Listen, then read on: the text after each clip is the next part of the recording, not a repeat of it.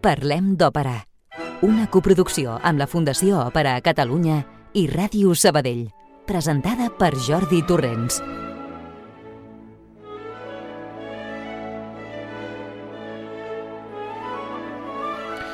Bona tarda a tots i totes. Ara sí que sembla que ens estem endinsant en la tardor. Fresqueta, pluja, un sol menys calent. Ho agraïm, de veritat, ens feia falta. Sobretot que plogui molt i que s'allunyin els fantasmes de la sequera. Ja veieu que ho demanem fins i tot des de la ciutat. No cal ser pagès per demanar la pluja de manera insistent, oi que no? I deixant a banda la meteorologia, avui ja arribem al darrer programa del mes d'octubre. Ja veieu com passa el temps. Estem de gira amb la producció de Romeo i Juliet i ja preparant la propera cita amb l'escena que vindrà molt aviat i en parlarem. Per ara us he preparat un programa amb música molt variada, un munt de compositors hi trobarem. Programa número 538, 26 d'octubre, dia de Sant Evarist Papa. Rocío García, al control de so, i qui us parla, Jordi Torrents, us donem una cordial benvinguda.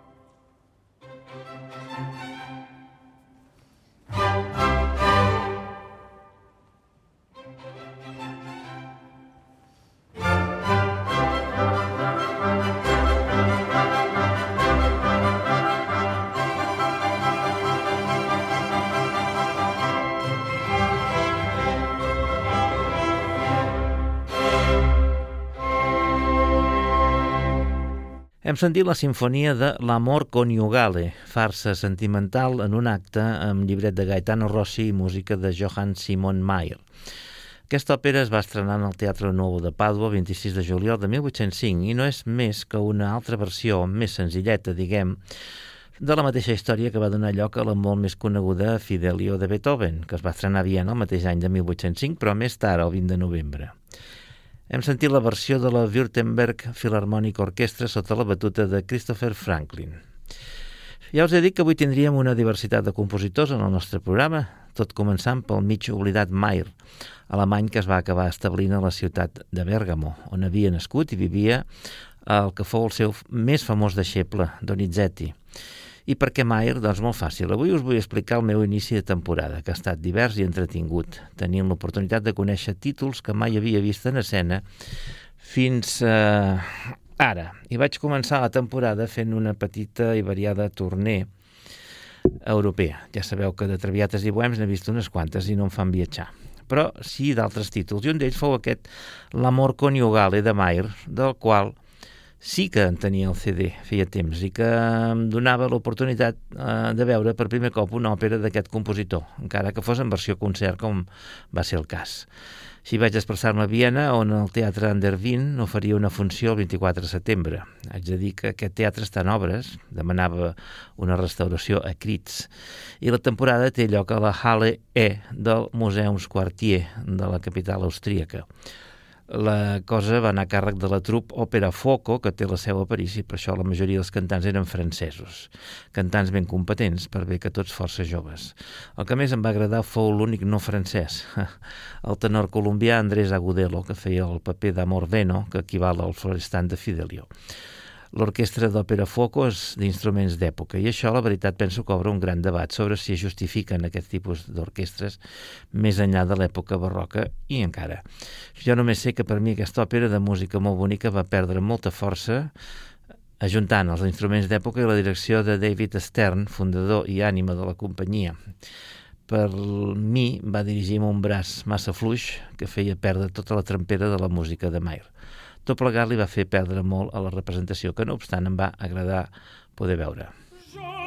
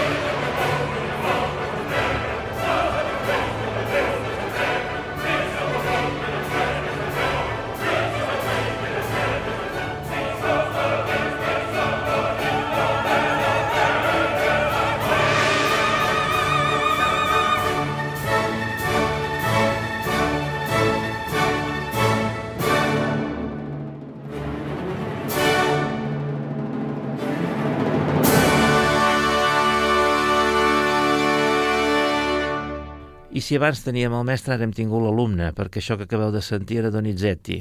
Je crois en Dieu constitueix el final de l'acte tercer de Le Martyr, gran òpera en quatre actes, amb llibret d'Eugène Scrip i música de Gaetano Donizetti, estrenada a l'Òpera de París el 10 d'abril de 1840. Sentíem en aquest concertant, entre d'altres, Michael Spires com a Poliocte, Joyce El Huri com a Pauline i David Kempster com a Sever, el cor d'òpera rara i l'orquestra of the Age of Enlightenment, tots dirigits per Sir Mark Elder.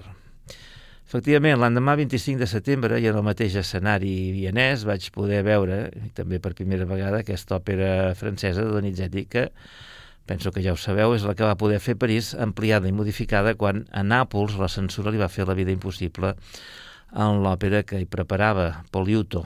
Com que anava de martiris de cristians primitius, al segle III no li deixaven que això pugés a l'escenari. Per sort a París eren més oberts i va poder estrenar Le Martyr, que com a òpera francesa havia de complir les regles, entre elles un ballet. A Viena vam tenir una molt bona orquestra, la Simfònica de l'ORF, un molt bon director, el francès Jeremy Rohrer, i molt bons cantants, encapçalats pel tenor americà John Osborne com a poliocte.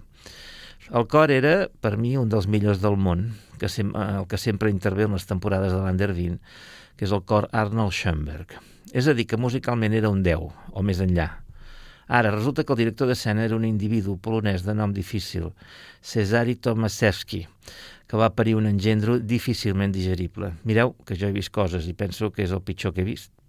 Resulta que la seva brillant idea fou barrejar el martiri d'aquests cristians del segle III, que va tenir lloc en una ciutat anomenada Melitene, avui en dia Malatia, Turquia, que en aquella època pertanyia a la província romana d'Armènia. Ho va barrejar, doncs, amb el genocidi dels armenis per part dels turcs otomans el 1915. Al final no sabies què era què, qui era qui, qui eren els dolents, qui eren els bons, una escenografia estúpida i ridícula i un vestuari que era una veritable aberració. Només us diré, a tall d'exemple, que al final el procònsul romà acaba vestit amb un viso. Sis ballarins tota la zona estona evolucionant per l'escena, etc etc etc. Veritablement penso que produccions com aquestes no fomenten el gust per l'òpera, sinó tot el contrari. Passem pàgina, però abans sentim el final de l'òpera. Ah, voici le signal du supplice. Endavant.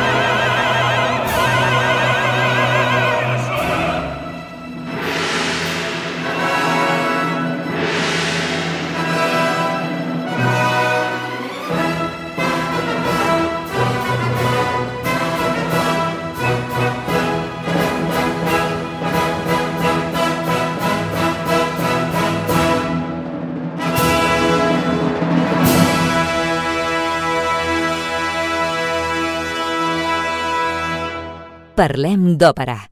A Ràdio Sabadell. I de Viena me'n vaig anar a París, a la capital francesa, el 29 de setembre. Vaig anar a veure una òpera per primer cop a la Salle Favart, el mític teatre de l'òpera còmic. Aquest teatre, situat a la plaça Boildieu, no lluny del Palais Garnier, és en realitat la tercera Salle Favart, on les dues primeres varen ser destruïdes per sengles incendis, el primer l'any 1838 i el segon el 1887. L'actual teatre d'estil neobarroc, dissenyat per l'arquitecte Louis Bernier, fou inaugurat el 7 de desembre de 1898. Sentim tot seguit un fragment musical i després en parlem. Jadis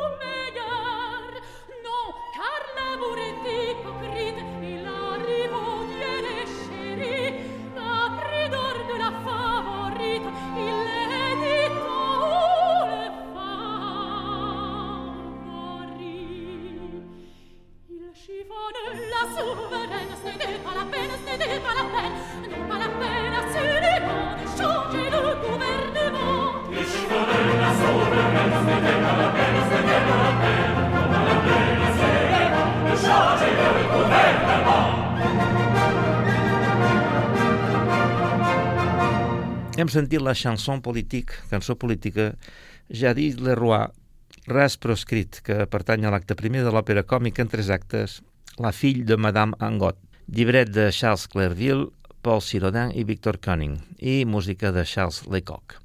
Ep, que aquest encara no havia sortit mai a Parlem d'Òpera. I és una obra estrenada no a París, sinó a Brussel·les, en el Teatre de Fantaisie Parisien el 4 de desembre de 1872. Era la soprano Anne-Catherine Gillet en el rol de Claret, el cor del concert espiritual i l'orquestra de, la, de cambra de París sota la batuta de Sébastien Roland. Charles Lecoq va néixer a París el 1832 i va morir a la mateixa ciutat el 1918. Gran pianista, fou deixeble, entre d'altres, de Fromental Haliby. El 1857 va guanyar Exequo Bizet un premi de composició d'opereta promogut per Offenbach i així estrena la seva primera obra que fou Le Docteur Miracle.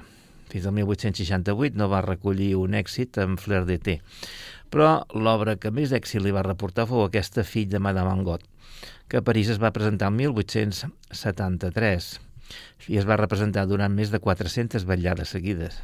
Va compondre moltes més operetes i òperes còmiques fins al 1914, però mai va superar l'èxit d'aquesta. I parlant d'aquesta producció que vaig veure, com sempre, estava transposada d'època. La trama eh, original transcorre durant el temps del directori, aquella part de la Revolució Francesa entre el 1794 i el 1799, que va entre la caiguda de Robespierre i l'ascens de Napoleó Bonaparte. En el text s'anomenen fins i tot personatges de l'època, com Barat i Augereau, i fins i tot un parell de personatges, Ange Pitou i Mademoiselle Lange, van existir. Però el director d'escena, com ara és habitual, Massa va voler aportar la seva idea i ho va situar més o menys al maig del 1968, un altre període revolucionari a París, però que res té a veure amb l'original. L'escenari s'omplia de pancartes i pintades, una de les quals deia imaginació al poder, però el regista, Richard Brunel, no s'ho va aplicar a si mateix, perquè portar-ho al maig del 68 em sembla una falta d'imaginació portentosa. Això implicava una escenografia en un edifici de pisos força feixuc, mentre que quan la cosa era la casa de l'actriu Mademoiselle Lange, ens trobàvem dins del eh, cinema Odeon. Per bé que conec algú que diu que aquesta transposició li restava tota la màgia a l'obra, jo no n'estic tan convençut, perquè malgrat que la música és preciosa i refrescant, l'argument em va semblar una mica poca solta, més aviat de teatre de boulevard. Del bo, això sí, però teatre de boulevard al cap i a la fi. Però musicalment va molt la pena. Eh? Entre els cantants, tots francesos, en coneixia alguns, sobretot la gran soprano francesa Véronique Jans, que feia el rol de Mademoiselle Lange, i el tenor Julien Bert, que van veure fa poc més d'un any que Matamino en el Liceu, i que feia el rol del poeta Ange Pitou, que, per cert, era l'únic que anava vestit de l'època original, ja que el seu personatge era un partidari de la monarquia derrocada, per tant, enterrarit, etc etc. Bé, els altres protagonistes foren Hélène Guilmet com a Claret Angot, la filla, i Pierre Deret com el perruquer Pomponet. Com en el CD que hem utilitzat les forces musicals eren el cor del concert espiritual i l'orquestra de cambra de París, dirigits en aquesta ocasió per l'afamat director Hervé Niquet. Jo, en definitiva, m'ho vaig passar bé, bàsicament gràcies a la música. I per acabar amb aquest tema sentirem un duo de l'acte segon, Jour Fortuné de Notre Enfance, amb Anne-Catherine Gillet, Claret i Véronique Jens, Mademoiselle Lange.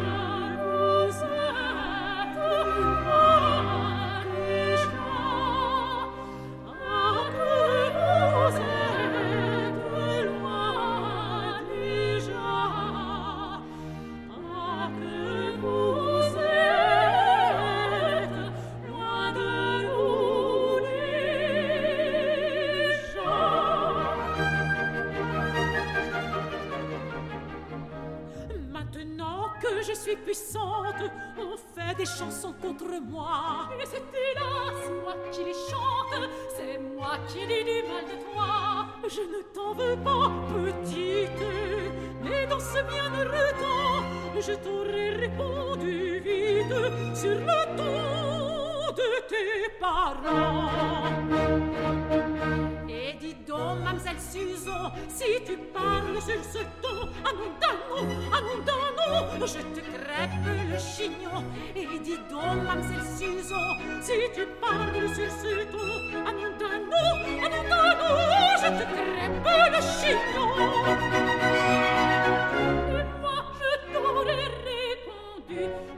voyez dans ce vertu, calibra et les jambes nues, est-ce que ça c'est un Vénus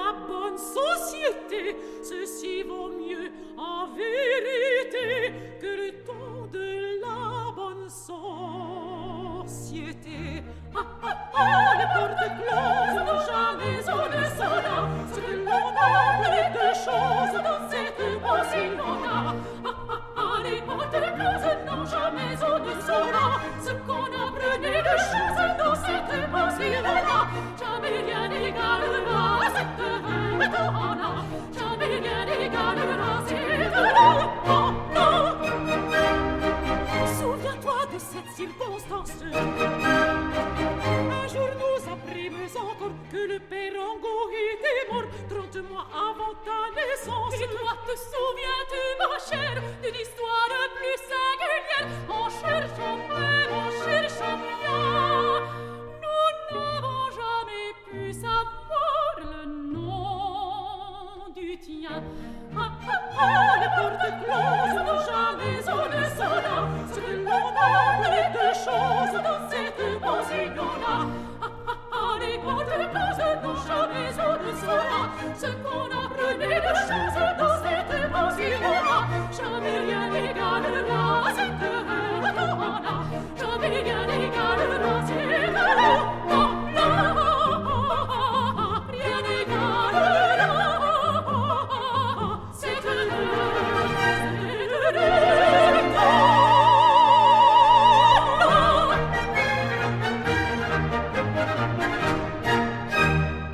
Parlem d'òpera. De París encara no vaig tornar a Barcelona, no. Vaig volar directament a Sevilla. Sí, a Sevilla, on sabeu que tenen un teatre fantàstic que data de l'any 1991, quan la ciutat es preparava per la famosa Expo.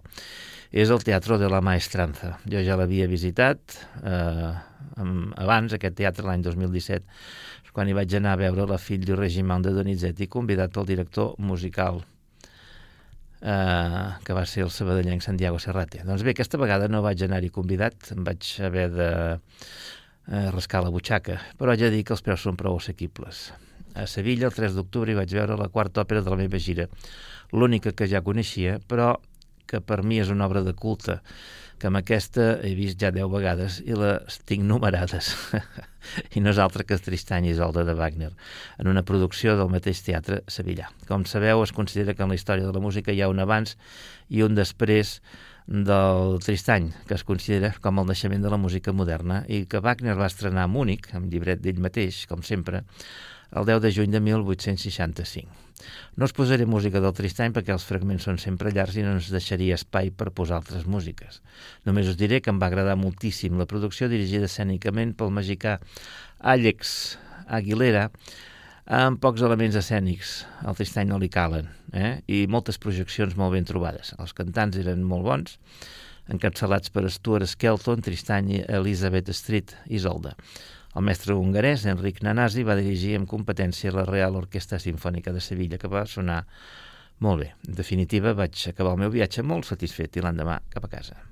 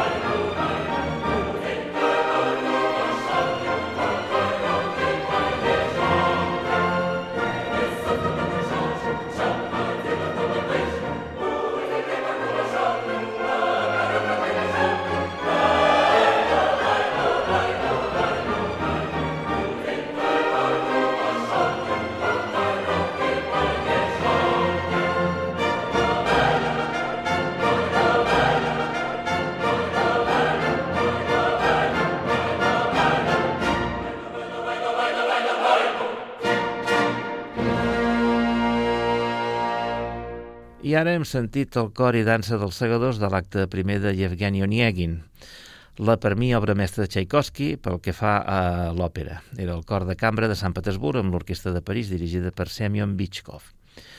El compositor la va qualificar d'escenes líriques en tres actes i està basada en una famosa novel·la en vers d'Alexander Pushkin. L'estrena va tenir lloc eh, en el Teatre Mali, petit, de Moscou, el 29 de març de 1879 amb els alumnes del Conservatori de la ciutat.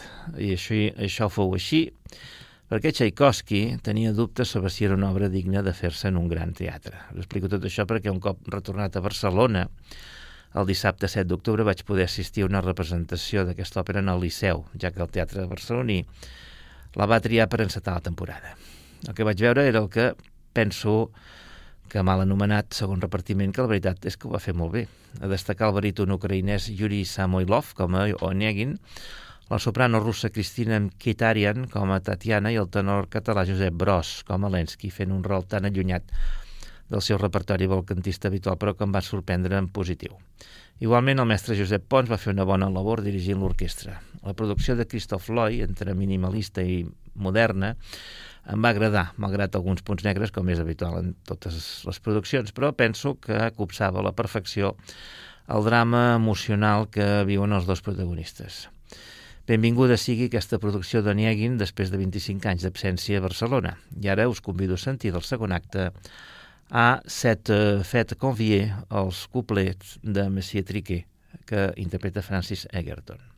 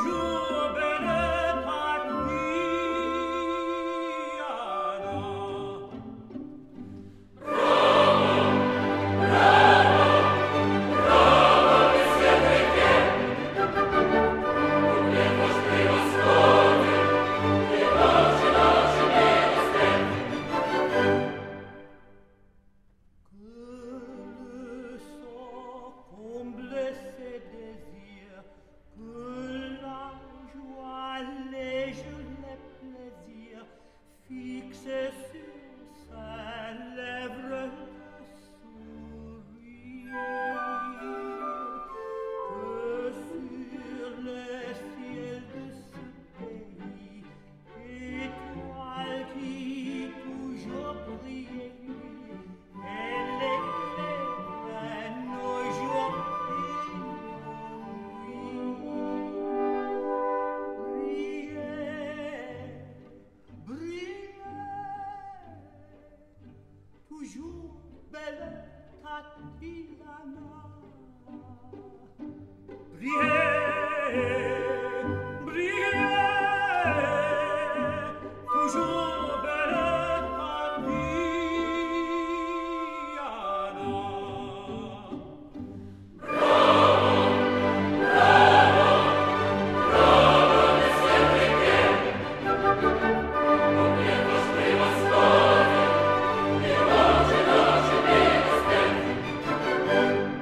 Parlem d'òpera, amb Jordi Torrents.